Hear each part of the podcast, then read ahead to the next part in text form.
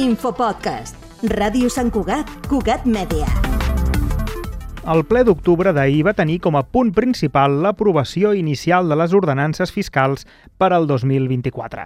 Les taxes i impostos, de manera substancial, no canvien per quart any consecutiu, però crida més l'atenció que no ho facin en un context econòmic complicat amb la previsió d'acabar l'any 2023 amb 25 milions de dèficit o més, segons va avançar Carles Bulgaroles a Cugat Mèdia.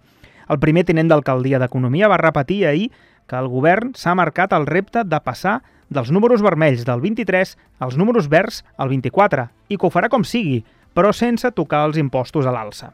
I és en aquest escenari on es va veure, una vegada més, les diferències de les receptes econòmiques entre els partits de dretes i els partits d'esquerres en una sèrie d'intervencions encadenades. L'argument esgrimit per Brugueroles per no tocar les ordenances és per no repercutir el cost sobre la població que ja ho està passant malament. Marco Simarro, de la CUP, li ha replicat que dir això és ser un liberal i que el que ha de fer un ajuntament és recaptar, i recaptar més de qui més té per poder redistribuir. Álvaro Benejam, en canvi, li ha respost a Simarro que l'Ajuntament, si recapta impostos, és per poder prestar serveis als ciutadans.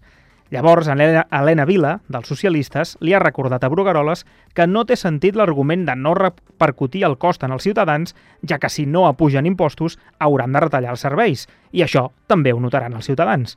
I és llavors quan Brugueroles li va retreure que els socialistes no haguessin canviat les ordenances quan estaven al govern.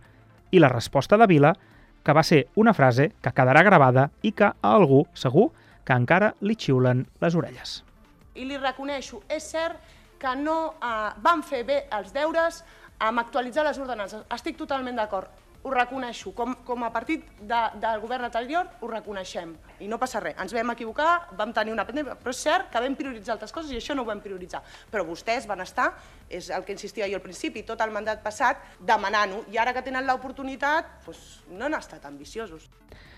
I un detall més del ple, compta amb el conflicte a les escoles Bressol. Les mestres i les direccions de les escoles Bressol municipals i les famílies s'han afartat de promeses buides a l'hora de substituir, o més ben dit, de no substituir les baixes, i ahir van anar a parlar durant l'audiència pública del ple. Alba Penya, la mare que porta la veu cantant, va advertir al govern que serà un corcó amb aquest tema i el govern ja sap que tindrà un os dur de rosegar al davant.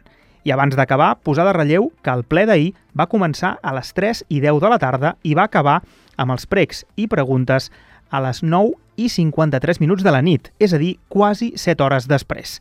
D'aquest temps de ple, els regidors van dedicar 3 hores a les mocions dels partits, que moltes no tenen a veure amb Sant Cugat. Els Infopodcasts són una coproducció de Ràdio Sant Cugat i la xarxa.